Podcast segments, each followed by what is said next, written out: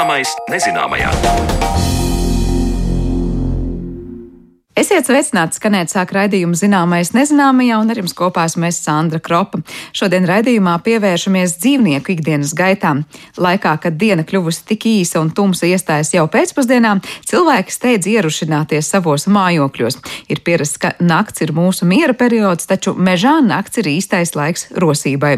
Kuri dzīvnieki naktī guļ, kuri dodas baroties, medīt un socializēties, un kāda ir meža zvēru dzīve naktī, ziemā, par nakts dzīvnieku gaitām tad arī runās runāsim drīz raidījumā, bet pirms tam mūsu arhīvas sižets par dzīvnieku ožu. To, ka cilvēks ir apdalīts ar spēcīgu degunu, zinām visai labi, taču kurš dzīvnieku pasaulē ir saimnieks visjutīgākajam degunam? Kādam mērķim noder laba oža, par to vairāk Zana Lāce Baltalksne. Liela daļa dzīvnieku izmanto feromonus. Tās ir bioloģiski aktīvas vielas, kuras izdala kāds indivīds un uz kurām reaģē attiecīgās sugas pārstāvji. Feromonu izdale sniedz informāciju par konkrētu īpatni un dod signālu, ka tas ir nobriedis pāroties. Augstāk attīstītie primāti, piemēram, gorils un šimpanzes, un arī mēs, cilvēki, šos feromonus neustveram, un evolūcijas sacensībās esam labāki ar savu krāsu redzi, kādas, piemēram, nav suņiem un kaķiem. Savukārt ožas ziņā esam krietni atpalikuši no kukaiņiem, suņiem, zivīm, čūskām, Tā saka Latvijas Lauksaimniecības Universitātes veterināra medicīnas fakultātes dekāns profesors Kaspars Kovaļenko. Ar viņu attālināti ierakstītā sarunā uzzināsim, cik lielā mērā un kam ir labi attīstīti ožas orgāni un kāpēc cilvēku un dzīvnieku pasaulē atšķiras viedoklis par to, kas ir smaka un kas aromāts. Ožs savā būtībā ir revolucionējis jau ļoti sen. Tā ķīmijorrecepcija mēs attiecīgi uzturam tos ķīmiskās vielas vai molekulas, kas ir gaisā. Vai nu, zivīm, piemēram, ūdenī. Zināms, ka haizivīm arī ir tā salīdzinoši laba oža, patiesībā ļoti laba oža. Bet, piemēram, mūsu tādiem tuvākiem radiniekiem, delfīniem, vaļiem vai vaļveidīgiem pareizāk, viņi atkal ir pazaudējuši šo ožas spēju, ņemot vērā, ka viņi pārgājuši šo dzīvi ūdenī. Bet nu, mēs parasti, ko izmantojam biežāk, ir vienkārši skatoties šo ložas receptoru daudzumu un ložas receptoru blīvumu. Un, uh, mēs zinām, ka ložas receptori ir izvietoti degunā, un, piemēram, cilvēkam uh, to ir apmēram 5 miljoni. Tad mēs zinām, ka suņiem, piemēram, šie ložas receptori var būt līdz pat 300 miljoniem. Suņiem, kas apveltīti ar tādu labāku ožu, tā saucamiem pēdziņiem vai asins suņiem. Piemēram, kaķiem zinām, ka kaķiem ir mazāk šo ožas receptoru. Nu, līdz ar to mēs varam secināt, to, ka nu, suņi ir jutīgāki attiecībā pret smaržu, bet nu, kaķi ir tātad mazāk jutīgi. Bet nu, no tādiem dzīvniekiem, kas mums Latvijā mīt, pagaidām jāsaka, tā nelielā daudzumā tie ir lāči, kas ir vislabāk apveltīti ar rožu, un tie var ļoti lielā attālumā sajust maitu, ko viņi izmanto arī par savu kā barību. Tāpēc uh, uzskata, ka lāčiem ir pat piecas reizes labāk oža nekā suņiem. Mēs ļoti labi reaģējam arī uz šo pūstošās gaļas smaržu. Mums viņa gan izraisa tādas nepatīkamas sajūtas. Bet uh, dzīvniekiem, kas šādu kritušu dzīvnieku vai pūstošu dzīvnieku patērē savā uzturā, tas viņam liekas kā pats garšīgākā smarža. Tā kā mums tikko iztekta cepuma vai kūka. Nu, tā tā daba ir iekārtot, un uh, mēs neko izdarīt nevaram šajā sakarā. Interesanti, ka ir pagājuši gadu tūkstoši, kopš cilvēks ir domesticējis suni, kaķi un zirgu, bet tomēr atšķirībā no dzīvniekiem mums tik krasi atšķirs tā smaržu un smaku uztvere. Nu, kāpēc tam mūsu sunim tik ļoti patīk izvārtīties tieši aromāta dēļ, maitā vai cita dzīvnieka ekskrementos? Nu, vispār jau par dzīvniekiem skatām, par gaļādājiem. Gaļādājiem vispatīkamākā smarža, vai, nu, principā pēc būtības, nu, kā arī viņi evolucionāri tam paredzēti, viņiem šī gaļas smarža, medījuma smarža, tā viņiem liekas ļoti pievilcīga. Bet vispār, piemēram, suņiem pievilcīgi liekas arī vaniļas smarža, arī kokosas smarža viņiem liekas nu, patīkama un pievilcīga. Suņiem ļoti patīk arī nu, jāsaka, citu suņu, tīpaši pretējā dzimuma smarža, jo dzīvniekiem, atšķirībā no nu, teiksim, pārējiem dzīvniekiem, atšķirībā no cilvēkiem, ir šī spēja sajust arī feromonus. Ir tāds um, vomeru nazālais kanāls un vomeru nazālais aparāts, kas atrodas šajā te, um, reģionā starp muti, cietām augslējām un degunu. Un, attiecīgi, varat, esat redzējuši, ka zirgi, piemēram, vai govis atliec augšlūpu un tā kā mēdās liekas. Tā ir patiesībā šo dzīvnieku mērķis viņiem šajā te, nu, jāsaka, mēdīšanās epizodē ir ievilkt gaisu caur šo vomeru nazālo kanālu, lai šis vomeronazālais aparāts var sajust smaržu un īpaši šos feromonus sajūt šajā aparātā. Cilvēkiem šis kanāls dažiem ir saglabājies, bet viņš ir tāds arhaisks, mūsu evolūcijas palieka. Bet mēs, nu, diemžēl, šos feromonus, pretējā dzimuma feromonus nespējam sajust. Bet, nu, jā, zirgiem, suņiem, kaķiem šādas spējas ir, un viņi nu, arī to diezgan labi izmanto. Un arī citas smaržas īstenībā uztver šis vomeronazālais aparāts. Tas tāds interesants, tāda evolūcionāra lieta, ko mēs esam pazaudējuši. Bet, piemēram, kaķiem atkal, kas ir interesanti, kas viņiem tāds, nu, varbūt ļoti patīkams smarža ir šie, te, nu, varbūt ir dzirdējuši par baldriāņiem vai kaķu mētra. Tur ir konkrēta viela, kas izraisa viņiem šo patīkamo sajūtu. Un, uh, ir hipotēze, ka šī viela kaķiem smadzenēs atgādina nu, arī pretējā dzimuma feromons, viņiem izraisa tādu tā patīkamu sajūtu, un līdz ar to viņi kādu laiku var ar šo te, nu, kaķu mētru vai Valdrijāņu un sakni kādu laiku trīties, nu, tas ir apmēram 23 minūtes. Viņam šis prieks ir un pēc tam viņam pārsātinājums, jāsaka, tā šiem receptoriem un attiecīgi pēc tam viņam vairs interesi viņš neizraisa kādu laiku. Jūs pieminējāt, ka labākā oža ir tieši dzinējsuņiem. Vai tas ir izskaidrojams ar šo suņu deguna uzbūvi? Tāds taksis labāk uzož pēdas nekā buldogs vai mopsis, kuriem ir plakans purns. Ir īstenībā milzīga starpība starp suņu šķirnēm. Ir, protams, daudz suņu šķirnes, kas ir nu, paredzētas vairāk medībām un pēdu dzīšanai. Tās ir nu, mērķiecīgi selekcionētas, atlasot individus, kuriem ir labāk šīs smaržas sajūtas labāk sajūta šo smaržu. Un, protams, jo arī lielāks deguns patiesībā, un jo vairāk šo receptu, notiecīgi, jo lielāks deguns, jo vairāk vietu, kur izkārto šos receptorus izvietot. Attiecīgi, laukums lielāks, un attiecīgi arī dzīvnieks vairāk šo smaržu var uztvert. Un tāpēc šiem suņiem, kas parasti tiek izmantoti smaržu meklēšanai, parasti arī šie deguni ir lielāki. Mēs neesam redzējuši, ka boxeri kāds izmanto pēdu dzīšanai. Nu, viņš tam nav paredzēts. Deguns ir īss, receptori ir mazāk, un jušanas spējas arī mazāk. Bet suņiem arī ļoti varēja. Pat īstenībā vienas šķirnes ietvaros ir diezgan liels variācijas receptoru daudzumā. Tāpēc nebūtu vienmēr kaut kāds nu jā, šāds pēdu suns. Man ir grūti kādu konkrētu šķirni minēt, jo īstenībā šķirnes ir vairākas.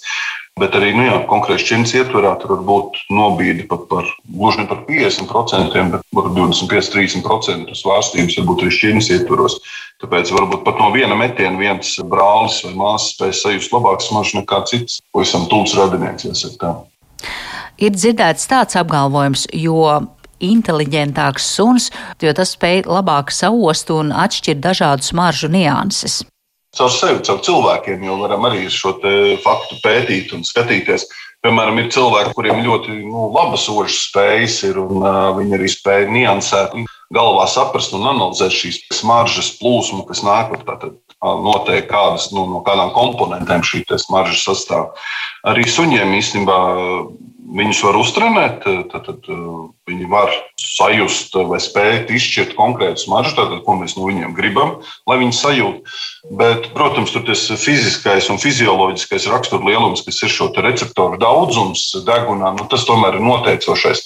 Ja sunim ir sliktoši, nu, mēs viņu, lai kā mēs viņu trenētu, viņš nepaliks labāk jūtošs cik ir saka, dabas dots, tik arī ir. Bet tāpēc jau arī nu, jā, izvēlās šķirnes, kurām ir šo receptoru vairāk kur arī labāk spēja niansētāk sajust šīs smaržas. Bet tur jau nu, arī interesanti, piemēram, to pašu smaržu daudzumu gaisā, kas ir nu, mums tur ir vajadzīgs nu, diezgan liels šo gaistošo aromātisko vielu daudzums gaisā, lai mēs viņu sajustu. Bet savukārt, teiksim, tādam lācim vai viņam pietiek atsevišķas molekulas ar teiksim, pusminūtes starpu, nonāk viņam receptorā, viņš jau saprot, apmēram kurā virzienā jāvirzās. Nu, attiecīgi, kur šo molekulu paliek arvien vairāk un vairāk, tad viņš saprot virzienu, no kurienes šī smarža nākusi. Vai varat paskaidrot, kā tas nākas, ka dzīvniekiem nepatīk tie aromāti, kas mums cilvēkiem šķiet ļoti patīkami? Piemēram, kafija, apelsīni vai sintēzēti parfīmi. Nu jā, citrus vispār, gan kaķiem, gan suņiem, citrus liekas kaut kas nebaudāms. Galvenokārt tāpēc, ka ļoti spēcīgi šīs gaistošās aromātiskās vielas, citrusos pārāk daudz, viņas tāpat arī smaržām un dezodorantiem.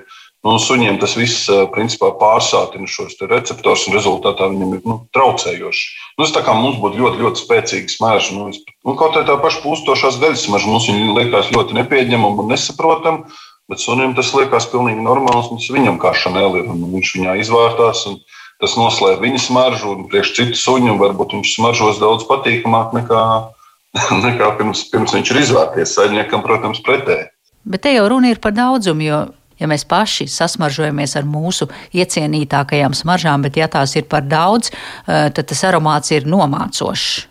Jā, atsevišķos gadījumos ir smaržas daudzums, protams, kas nosaka to pārkaitinājumu.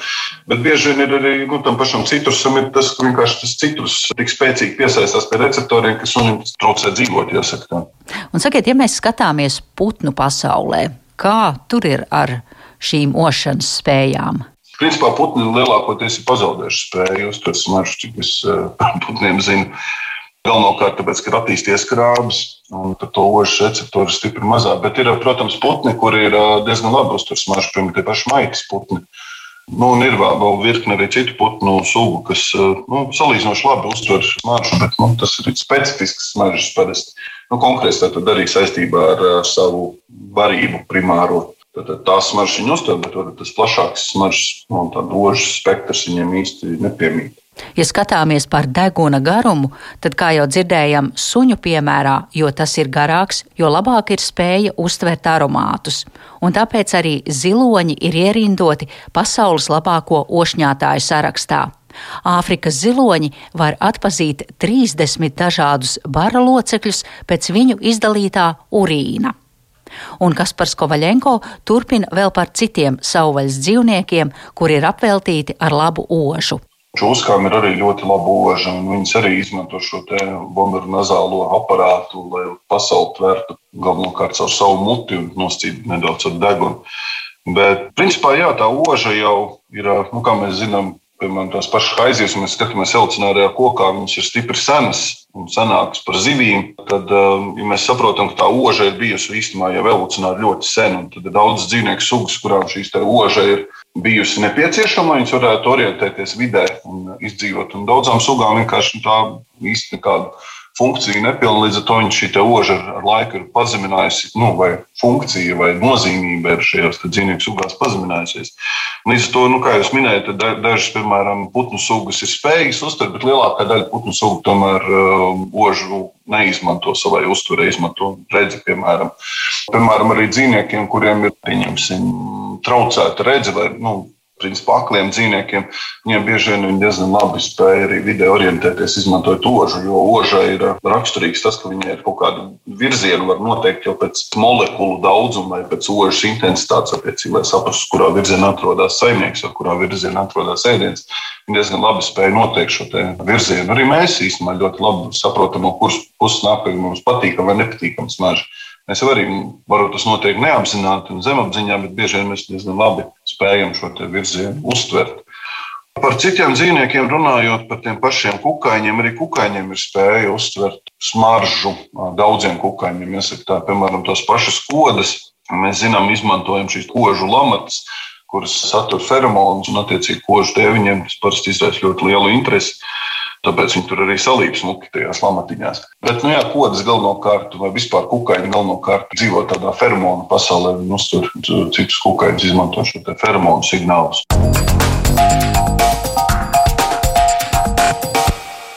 Tik tālu par dzīvnieku deguniem un mūžas īpatnībām, bet par dzīvnieku gaitām nakts aizsargā saruna pēc brīža.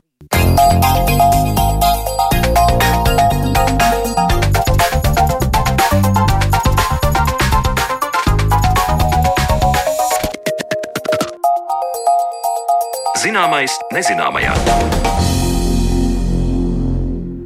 Kad cilvēki dodas pie miera, daudzi dzīvnieki pošas nakts gaitām.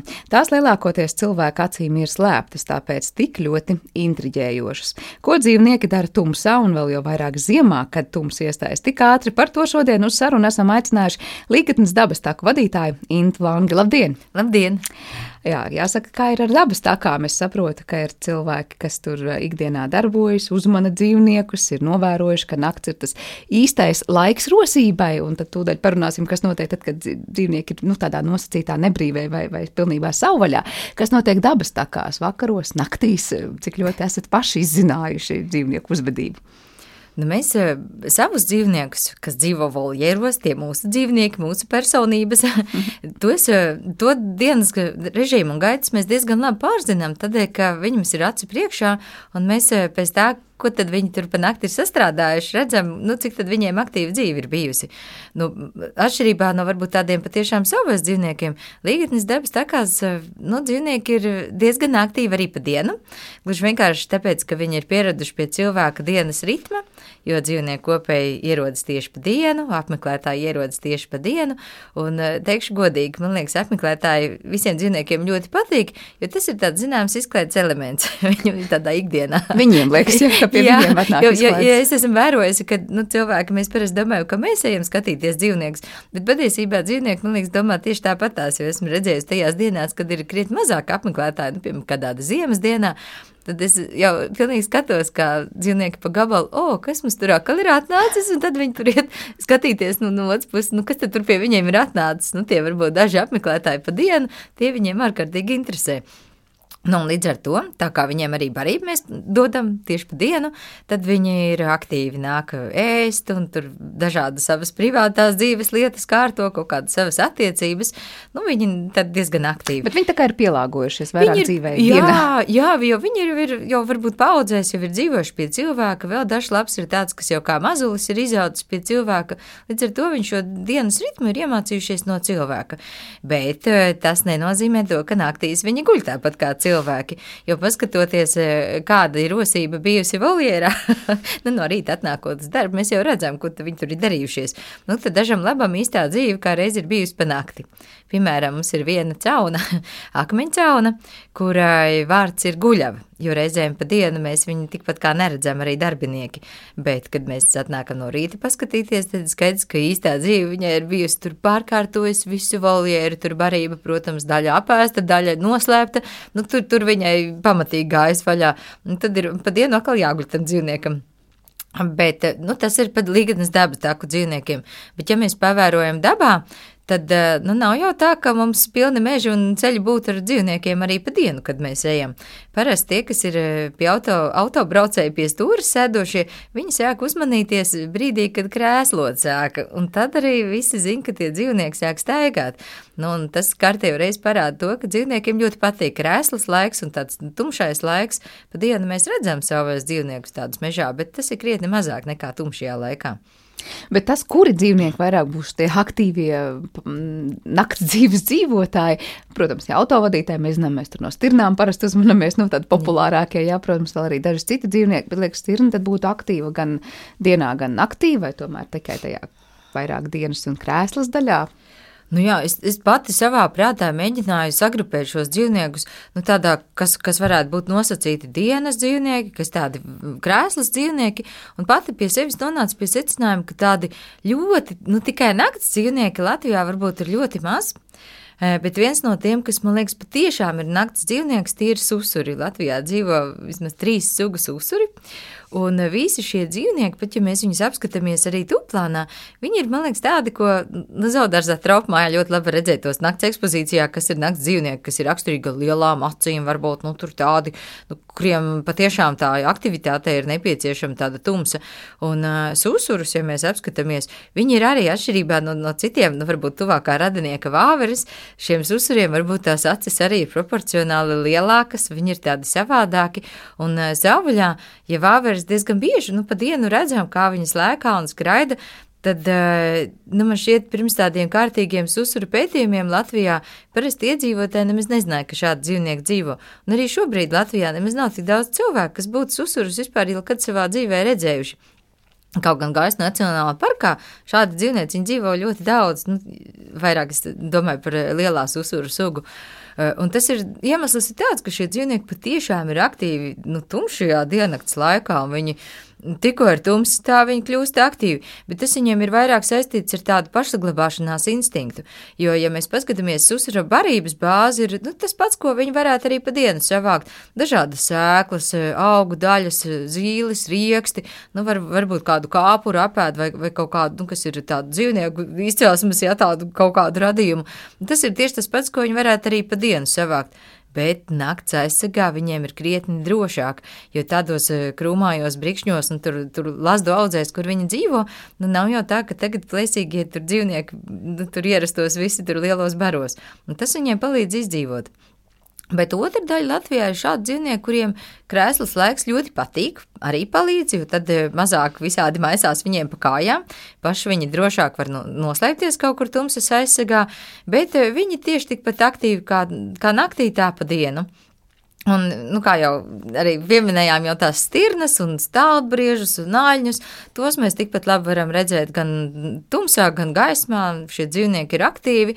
Un, piemēram, vērojot šādu dzīvnieku dienas režīmu līgnes dabas takās, kur mums viņi ir acu priekšā, tad ļoti labi var redzēt, ka viņiem diena sadalās nu, tādos posmos, nu, varbūt līdzīgi kā cilvēkam. Es pat teiktu, salīdzināt drīzāk kā mazam bērnam, ka, ka viņi no rīta varbūt ir aktīvi, pēc tam viņiem ir kaut kāds tur naudas periods, kad viņi mierīgi kaut kur pāguļ, pārgremo jau, jau apēsto, tad viņiem ir kaut kāds aktivitāšu periods pēcpusdienā, un tad, eh, tad ir atkal kaut kāds naudas periods, un tad atkal ar krēslas eh, tāda tuvošanos viņi atkal kļūst aktīvāki. Bet tas nenozīmē, ka viņi ir aktīvi visu nakti, viņi kaut kādā brīdī ir aktīvi, aktīvi, un tad viņi atkal pazūd, atkal dodas savās kaut kādās naudas periodā.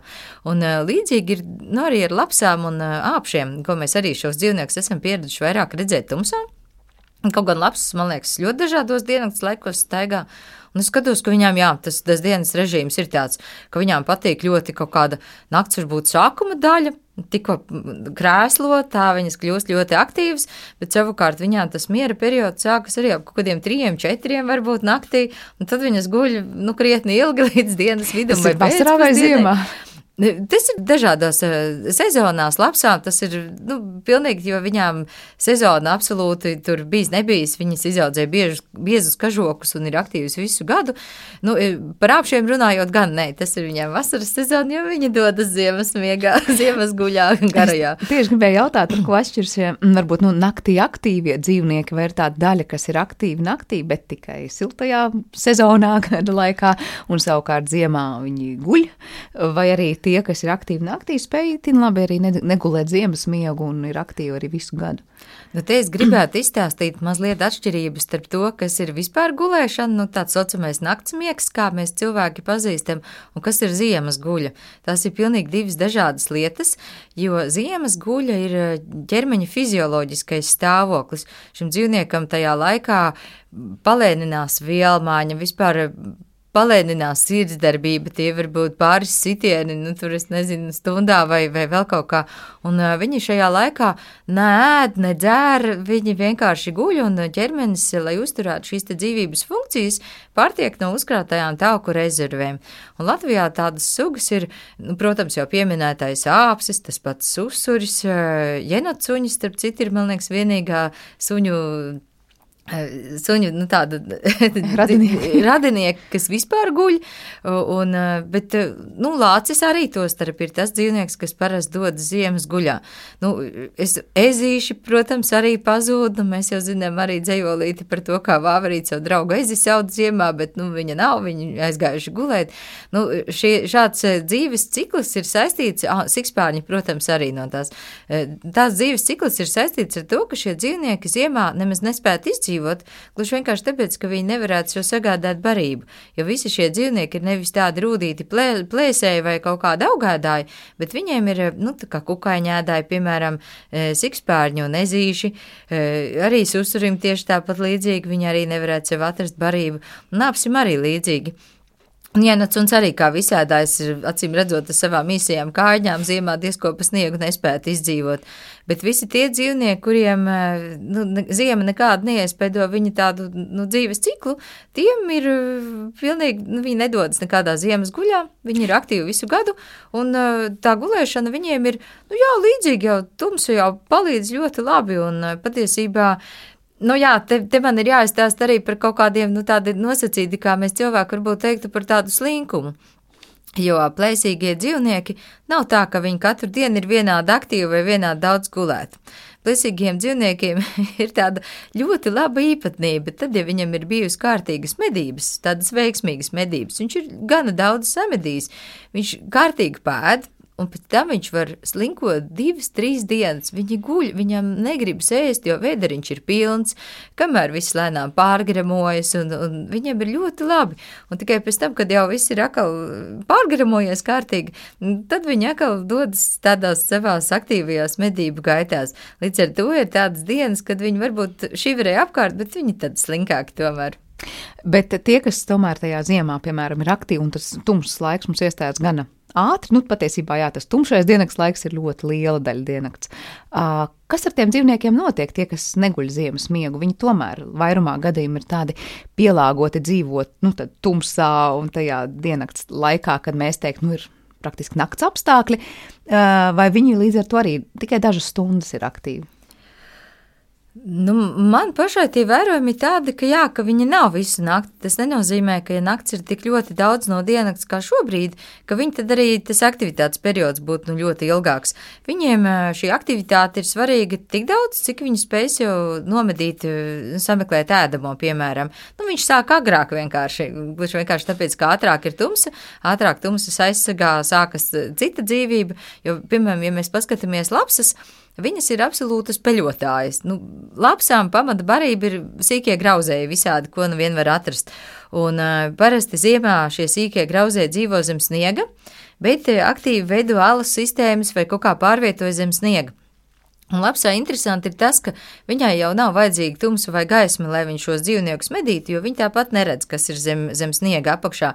Tajā brīdī, lai vispār medītu, viņai ieslēdzas oža un dzirde. Patiesībā ar dzirdi viņa saprot, kur, kur tas eh, dzīvnieciņš mazais ir, kas nu būtu jāmedī, un tad lapsa hops lec iekšā sniegā ar purnu un mēģina to, to dzīvnieciņu dabūt ciet ar zobiem kārtīgi. Nu, protams, ka tas paņem kaut kādu vairāk enerģijas un, un patēriņš nekā tas ir, tad, ja viņiem vasaras sezonā būtu jāsteigā apkārt un kaut kas jādara. Bet savukārt man šķiet, ka šīs peles ir apaļākas, nu, arī uz, uzkrājušas taukus, un tajā brīdī, kad viņi kaut ko noķer, varbūt arī tur tiek tāds kārāks kumos no tā visa. Bet, protams, ja nav veiksmīgas medības, tad eh, šie dzīvnieki pa varas maku neturpina tur izmisīgi kaut ko nomedīt, viņi drīzāk dodas pasnaust kaut kur un eh, pēc tam nākamajā vakarā atsāk to savu tādu aktīvo darbību. Par to snaušanu runājot, eh, cik dzīvnieku pasaulē vispār ir iespējama tāda īsta gulēšana, nu, ko mēs teiktu, tāds ciešs miegs, vai dzīvniekiem vispār tas ir iespējams, vai tas var maksāt dzīvību, un visi dzīvnieki vienkārši snauž. Vispār tas var maksāt dzīvību. Es neesmu tā sīkāk pētījusi tieši Latvijas dzīvniekiem, kā notiek šis te miega process, bet vispār pasaulē ir diezgan daudz dzīvnieki, kuri snauž, piemēram, nu, ļoti interesants piemērs ir par delfīniem, piemēram. Nu, viņi taču arī, nu, tomēr dzīvnieki, kas ir, nu, kam, lai elpot, ir nepieciešams gaisa ievilkt skābekli, nu, no gaisa saņemt, viņi nav kā zīves, kas visu laiku dzīvo ūdenī, un interesanti, ka viņi guļot, viņiem aizmigusi, var teikt, ir viena smadzeņu puslode, un pēc tam otra. Nekad nav tā, ka viņa pilnībā no atslēgtos, un tas ir zinātnieki pētījušos smadzeņu viļņus līdzīgi kā cilvēkiem, ka ir ātrie viļņi, lēnie viļņi, kad ir tās miega fāzes, dziļā miega fāzes, jā, un, piemēram, delfīniem nekad nav tā, ka vienlaicīgi viss notiktu. Tomēr tā elpošana neapstājas, un viņa kaut kāda tā peldēšana neapstājas, un vēl ir dzīvniekam arī līdzīgi ir Putni, laikam, arī ir daži Jā. tādi interesanti gulētāji. Putniem arī ir līdzīgi, ka tas nav no tāda cilvēka miega, to vispār pat ir ļoti grūti salīdzināt. Protams, ka šie dzīvnieki mēdz aizmigt arī tā pa kārtīgo, bet eh, man šķiet, ka viņu maņas vienalga ir tik jūtīgas un tik sakāpinātas, ka viņi spētu atšķirt kaut kādus apkārtējos trokšņus tur ļoti ātri vai pat kaut kādas smaržas uztvert. Un uh, viņu tas izdzīvošanas instinkts eh, darbojas tā, ka šis dzīvnieks nu, nav nekad tik, nu, kā cilvēks saka, guļu kā beigts, karš varētu sākties, un es tāpat nepamostos. Bet šiem dzīvniekiem, nu, viņiem tā ir tāda izdzīvošanas lieta. Tas nav ielien cilti aliņā un tur pamosties. Nu, jā, pat es neesmu pētījusi, jā, kāds ir Latvijas dzīvniekiem, varbūt tiem, kas tādās tiešām dziļās alu sistēmās guļ, ka tiem varbūt šis miegs ir ciešāks. Nu, varbūt, bet. Nu, bet vairumā gadījumā nu, par nē. Nu, nav, jā, nebūs. Jā. Uh, protams, mēs pieminējām to barošanos un medīšanu naktīs, kas ir laikam nu, primārais iemesls, kāpēc kāds dzīvnieks aktīvs ir naktī. Tad, tad varbūt ir vieglāk tikt pie barības. Bet tomēr vai ir vēl nu, tikpat labi pieminētie tie voljēru dzīvnieki, kas pēkšņi izdomā pārkārtot savu migu, ja tieši naktī. Kas ir tās lietas, ko dzīvnieki dara? Tā ir tāda socializēšanās, kaut kāda apkārtstaigāšana, migas kārtošana, pārkārtošana, vai tā ir vienkārši medīšana un barības dabūšana naktī labāk? Tā ir arī sociālā dzīve, protams, jo, jo šim dzīvniekam ir svarīgi ne tikai labi pāriest, nu jā, bet par medīšanu gluži mēs varbūt nevaram koncentrēties, jo, piemēram, visi briežu dzimtas dzīvnieki, viņiem arī, viņi nemedī, bet viņiem tādu pašu zaļbarību, ko nu viņi tur ēd, visu viņi varētu arī pa dienu ēst. Bet tumsas aizsargā viņam ir vieglāk pārvietoties lielākos attālumos, varbūt kaut kādā vietā pāriet klajākus laukus, jo Latvijā, ja mēs paskatāmies, visiem šiem dzīvniekiem, dzīvniekiem apspalvojums ir tādā kā maskēšanās krāsā. Neviens nav tāds kā traupu zemēs, košai papagāļi vai citi tādi ļoti spilgti dzīvnieki. Visiem dzīvniekiem apspalvojums, apmetojums ir tāds, ka viņš ļoti labi saplūst ar apkārtējo vidi. Un, piemēram, tumsā nu, vispār gandrīz nav pamanāms. Nu, nav jau tā, ka viņi tur uzreiz būtu. Un, bet tad viņiem arī sāks aktīvā tāda sociālā dzīve. Viņi satiekās, viņi, protams, kaut kādas savas attiecības kārto. Viņi, protams, tad, kad ir mazuļi laiks, tad ved mazuļiem ierāda labākās varbūt barošanās vietas vai kaut kādus, nu, tādus izdzīvošanas trikus tur apmāca. Nu, tad, tad viņiem ir arī tāda drošāk, jo viņi zina, ka no apkārtnes varbūt, nu, neuzglūnēs tie, kas apkārt klaiņo pa dienu, piemēram, cilvēki. Es gaidīju, ka varbūt kāds plēsējs būs pieminēts, bet patiesībā cilvēki ir arī tas, no kā slēpjas nu, dzīvnieki. Tieši nu, jā, tiem plēsējiem ir tā interesanti, jo, piemēram, ja mēs arī apskatāmies dažādas, mūsdienās ļoti cilvēki ir diezgan labi pēta dabu, tāpēc, ka ir izlikts dažādas meža kameras, kas nu arī spēj tumsā, ar tumsas redzamību, gan arī tumsas redzamības dažādas ierīces, un tad diezgan labi redzēt, ka arī nu, šie pārneģi dodas baroties arī tādā tumsā, bet viņiem jau uzglūna arī šie plēsīgi dzīvnieki, piemēram, lūši un vilki, kas arī ir aktīvāki tumsā.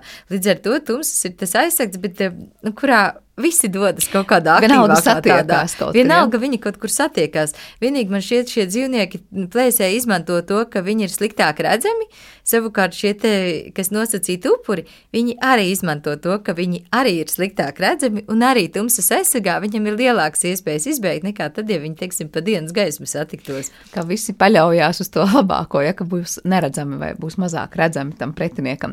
Bet eh, kopumā skatoties uz tiem dzīvniekiem, kas naktīs, nu tā kā ir vairāk aktīvi, lai gan te izklausās, ka ļoti daudz un ļoti dažādi. Nav pamats teikt, ka tie vairāk ir plēsēji, vai atkal tie, kas savukārt parasti ir tie upuri, un tad, nu, tomēr naktī tie, tie, tie upuri izvēlās to, ka tā ir mūsu niša palikt dzīviem, tāpēc mēs tagad aktīvi esam nevis dienā, bet naktī. Jā, savas nišas pilnīgi noteikti ir. Jo, ja mēs pavērojam, piemēram, dienas plēsīgos putnus un eh, nakts plēsīgos putnus, visi mēs zinām, ka nakts plēsīgie putni tās ir pūces. Nu, protams, nu kā tad vēl, ja ne naktī pūces, savukārt dažādi vānagi un, un tādi ātri lidošie plēsīgie putni, tie ir aktīvi dienā, tie pa nakti nemedī. Un tad ir interesanti, ka šiem te vānagiem un dažādiem piekūniem, viņiem, nu tā barības bāze ir eh, dažāda veida putni, citi putni, kas pa dienu ir aktīvi. Piemēram, nu, tur, cik tas nebūtu interesanti, mazais ērglis no vardēm pārtiek ļoti labi. Vardas arī, protams, naktī ir, bet nu, pa dienu ļoti labi viņas var redzēt un nomedīt. Tad interesants piemērs ir apodziņš, kas ir pūce, bet var teikt tāda dienā aktīvā pūce, kas visvairāk medī pa dienu.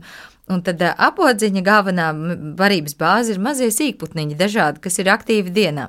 Savukārt citas pūces, kas ir aktīvas naktī, tādas tiešām klasiskās pūces, viņām tāda pamata barības bāze ir grauzēji dažādi.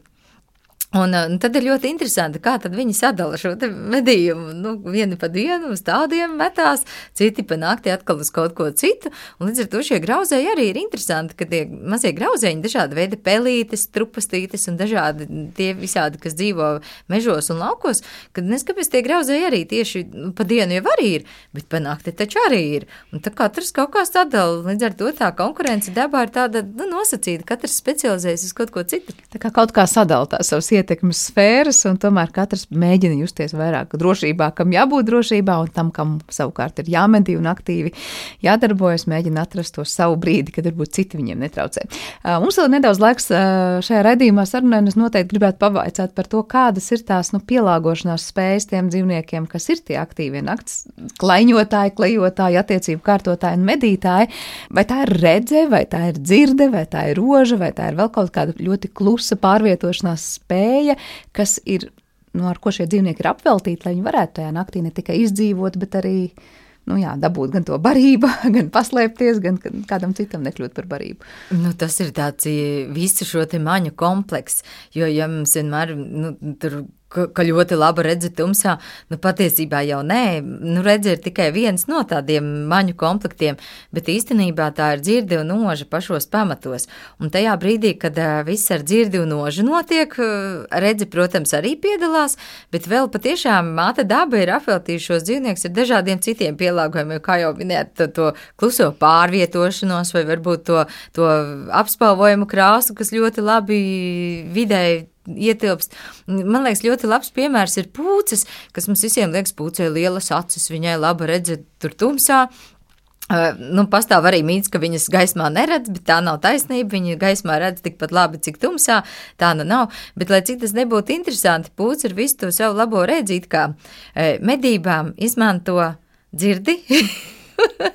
dzirdi pamatā, un, un tad ir tikai redze. Jo pucīte, kad dodas eh, medīt, viņa vispirms klausās, un, lai cik tas nebūtu arī interesanti, tas viņas sejas, nu, nosacīti tāds šķīvis, nu, kā, kā zinātnieks saka, kas ir tas eh, seja viņai līdzīga spalvu izkārtojums, līdzīgi kā satelīta šķīvi izmanto cilvēku kā antēna, viņa palīdz uzre, uztvert skaņu. Tad pucē ir pielāgojums ausis ļoti labs, ausis viena augstāk, viena zemāk, tas ir tāpēc, lai precīzāk spētu šīs skaņas skaņas koordinātas noteikti, un tikai tajā brīdī, kad pūci ir pēc dzirdi sapratusi, kur ir šis medījums, tajā brīdī viņa skatās ar acīm, tur notrāpa un hops un metās virsū. Un uh, vēl, kas ir ļoti interesanti, pūce ir varbūt viens no retajiem putniem, kas var lidot absolūti klusi, nešvīkst, ne spārni, ne spāvas lidojuma laikā pilnīgi klusi, un tas, man liekas, arī tāds fantastisks dabas pielāgojums, kā šis putns tumsā spēja pārvietoties, cita nepamanīts vispār. Pilnīgi bez skaņas. Pilnīgi bez skaņas, jā. Jā, tātad pielāgojumi var teikt tiem, kas spēj dzīvot un izdzīvot naktī, tumsas aizsargā dzīvnieku pasaulē, var teikt, tātad izdzīvošanas meistari un apveltīt ar ļoti lieliskām gan maņām, gan spējām nu, specializējušies ļoti uz kaut kādiem saviem tādiem meistarstiķiem un knifiņiem, un tā kā viņi tā citi nevar, un tas ir ļoti labi, jo tad viņiem mazāk konkurence. Ir kaut kādi jautājumi, kas pašiem pētniekiem šobrīd ir ļoti aktuāli, nu, varbūt ne tikai Latvijā, bet vispār pasaulē kopumā tieši par nakts dzīvi dzīvniekiem, ko gribas saprast, vai, vai tur daudz kas ir izzināts, un tas nav tāds lauks, kas vēl ar lielām mīklām pilns. Nu, par tādiem ļoti aktīviem pētījumiem es tā neesmu dzirdējusi, bet kas attiecas uz kaut kādu dzīvnieku miegu vai, vai varbūt tādu fizioloģiju un atjaunošanās spēju, teiksim, pēc lielas slodzes vai, vai barības uzņemšana, nu, tas man liekas vienmēr ir cilvēkiem bijis interesanti, jo kurš gan negribētu, es pat reizēm domāju, ka man gribētos tāpat kā dzīvniekam aiziet uz viesībām, kārtīgi paēst un tad trīs dienas neko neēst, vai varbūt nākamajās vismaz brokastīs neko neēst, bet mums cilvēkiem ir tā īpatnība, ka kārtīgi, no kārtīga viesību galda atnāk vakarā mājās atkal gribas ēst, un tad man šķiet, ka, nu, nu, nu tad jā, tad vispār interesanti, kā šī fizioloģija darbojas dzīvniekam un cilvēkam, un kurā brīdī, kurš pasaka stop, jā, un cik tad ir tas pietiekami. Man šķiet, ka tā ir, nu, tā, cilvēkam vispār ir aktuāla tēma, jo, ja dzīvnieks vairāk domā par to, kā feinu uzbaroties, tad cilvēks varbūt domā tieši kā labāk neuzbaroties. bet tas savukārt par to, ko mācīties, par to, ka pietiek, bieži vien pasaka arī, ka paskatoties uz dzīvniekiem, mēs varam skatīties, no nu, ja dzīvnieks kaut ko tur ēd vai, vai, vai kā citādi barojās, tad nepaņems visu līdz pavisam pēdējiem. Vienmēr kaut ko atstās ar domu, ka domās par to, lai pietiek arī nākamajai reizei. Proti, tā ir, ka mēs varam skatīties arī uz to, kā dzīvnieki barojās un mācīties nepaņemt nu, līdz pēdējiem. Nu, savvaļā varbūt arī, bet arī gadās, ka dzīvnieks ēdās ne to, kas viņam būtu jāēda, jo dzīvnieki nu, tad, ja pavisam bez cilvēka iejaukšanās, tad jau viņiem viss būtu kārtībā. Bet bieži vien cilvēki izmētā savus pārtikas atkritumus, kas dzīvniekiem nebūtu nav veselīgi, bet tas nenozīmē, ka viņi to visu neapēd, un, un iespējams sekas ir ļoti dažādas. Un vērojot dzīvniekus nebrīvē, nu, te ir pavisam man gribētos apgāzt to mītu, ka dzīvnieks jau zina, ko viņam vajag. Man vairāk izskatās, ka dzīvnieki ir tādi kā mazi bērni. Jo, ja mēs bērnam piedāvātu ēst to veselīgo sakņu sautējumu vai čipsus ar Coca-Cola, mēs zinām, ka viņi izvēlētos čipsus ar Coca-Cola un nevis veselīgo barību. Un līdz ar to dzīvnieki es arī skatos, viņi kaut kur ir tādi kārumnieki. Savukārt dabā, nu, pavisam normāli, pilnīgi dabiskos apstākļos dzīvojot, nu, šāda lieta viņiem nedraud, bet vienalga šie dzīvnieki izvēlās eh, neapzināti vai, vai es nezinu, tur tīri gēnu jau līmenī un instinktu līmenī. Viņi vienalga izvēlas barību, kas ir ar augstāku enerģētisko uh, līmeni, tādu bagātāku barību, un kas vieglāk sagramojas. Jo, nu, zinātnieki ir ļoti daudz pētījuši šo barību, ko ēd dzīvniekus, un uh, izrādās, ka jā, ka, ka tīri absolūti jau kaut kādā tādā neapzinātā līmenī dzīvnieki dodas baroties tur, kur šī barība ir vieglāk iegūstama un ir vieglāk pārgramojama, un organismam mazāk jāpatēra enerģija, lai visu sagramotu, un atkal vairāk enerģētiskajā līmenī iegūst. Nu, tas tā ir interesanti. Jā, tajā brīdī, kad pašam tā barība ir jānomedī, droši vien, ka tur tiešām ir vērts padomāt, cik pūles ir jāiegulda, un tad varbūt, tad, kad nomedī, tad nomedī to, kas pietiek ilgākam laikam, jo tas nav tā kā cilvēkam pieiet pie veikala plaukta un uh, dabūt gatavu. Uh, noslēdzot mūsu sarunu, mēs te runājām gan par nebrīvē, gan par savvaļā dzīvojušiem dzīvniekiem, vai līgatnes dabas tā kā ir kaut kas īpašs, ko gaidīt, ko redzēt, ko skatīties, ja mēs runājam par to, kā tie dzīvnieki uzvedas naktī, un uh, vai ir kaut kā iespējams sekot līdz viņu nakts gaitām. Nu, Līgatnes debes takas eh, pārsvarā eh, ir atvērtas apmeklētājiem diennakts gaišajā laikā, eh, kad šie dzīvnieki arī gaida apmeklētājus un parasti ir ļoti aktīvi. ja vien neskaidri pašu, pašu dienas vidu, kad nu, viņi kā bērni bērnu dārzā dodas gulēt dienas vidu, bet Līgatnes debes takās mums ir gaidāms pavisam īpašs notikums. Jau 17. decembrī, sestdienā, mums Līgatnes debes takās ir paredzēts tumsas pārgājiens ar nosaukumu Satiet zvēru tumsā. Nu, tas ir tā tāds ļoti īpašs nu, pasākums, kura laikā būs apmeklētājiem iespēja izsteigāt līgatnes dabas takas izgaismotas sveču gaismā, dienas tumšajā laikā un eh, mēģināt ieraudzīt dzīvniekus ar kabatas baterijām, paņemot līdzi savus, mēģinot izgaismot dzīvniekus. Un pēc savas pieredzes es varu teikt, ka viņi parasti ļoti labi nāk un sevi atrāda, jo pirmkārt viņiem interesē, kas pie viņiem ir ieradies ciemos, un otrkārt šajos nu, tas eh, tumsas laiks, kā jau es stāstīju, ir tāds aktīvais laiks, arī līgatnes dabas takās izrādās. Un tāds ekskluzīvs pasākums eh, - tumsa, mežā izgaismota tagad ziemas laikā vispār izskatās kā ziemas pasaciņa. Un labā lieta ir tāda, ka pārgājiens notiek nelielās grupās, gida vadībā, līdz ar to nevienam nebūs iespēja pazust mežā un atnāks atpakaļ tikpat skaisti, kā ir aizgājuši, un savukārt gids parādīs, kur labāk šos dzīvniekus ieraudzīt un satikt un izstāstīs, ko viņi tur visi dara. Tā kā nav jābūt eh, satrauktam par to, ka ja es neesmu pieredzinājis savas acis ieraudzīt dabā kaut ko, tad es varētu arī nepamanīt pamanīt. Gids parādīs, uz kurien ir jāskatās. Jo gids noteikti parādīs, gids arī pavadīs pa mežu un izstāstīs daudz interesantas lietas, kas, kas dzīvnieku norisēs ir tieši ziemas sezonā. Līdz ar to, un arī vispār, man liekas, nav jau nemaz tik daudz cilvēku, kas ir tumsā bijuši mežā, un sevišķi tādā pasaka mežā sasniegušā un ar svecēm izgaismotā. Līdz ar to pašai liekas, ka tā ir tāda ļoti liela bauda vispār, nu, tur, tur ieraudzīt to visu un sajust sevi tur. Tīpaši tajā laikā, kad eh, mums dabā ir skaisti sasniedzis, es domāju, tas tiešām varētu izskatīties ļoti, ļoti labi. Tiem, kam ir interesi, noteikti skatāmies un sekojam līdzi, bet noslēdzot, kuri tad būtu tie dzīvnieki, ko noteikti būtu iespējams ieraudzīt sestdienas vakarā? Pilnīgi noteikti būs iespēja redzēt eh, lūšus, Lūši vispār ir ziemas dzīvnieki, un uh, pavasaru parasti viņas neredz, jo viņiem ļoti nepatīk karstums. Viņi guļ kaut kur ēnā krūmos un ir tikai nakts vidū, varbūt aktīvi. Bet ziema ir īstais laiks, kad viņiem ir biezie kažoki. Viņi vienkārši ļoti patīk sniegs viņiem. Lūšus redzēs, pūces pilnīgi noteikti dažādu sugu pūces. Mums ir meža cūkas arī parasti vai nu sevi atrāda, vai nu vismaz slinki paskatās no savas migas, bet viņas ir redzamas. Lāceni ilzītes staigā mums ļoti smuki, lapsas mums ir un, nu, jenacuņi kā kuro reizi. Vispār viņi guļ, bet šeit tad izlien arī ārā.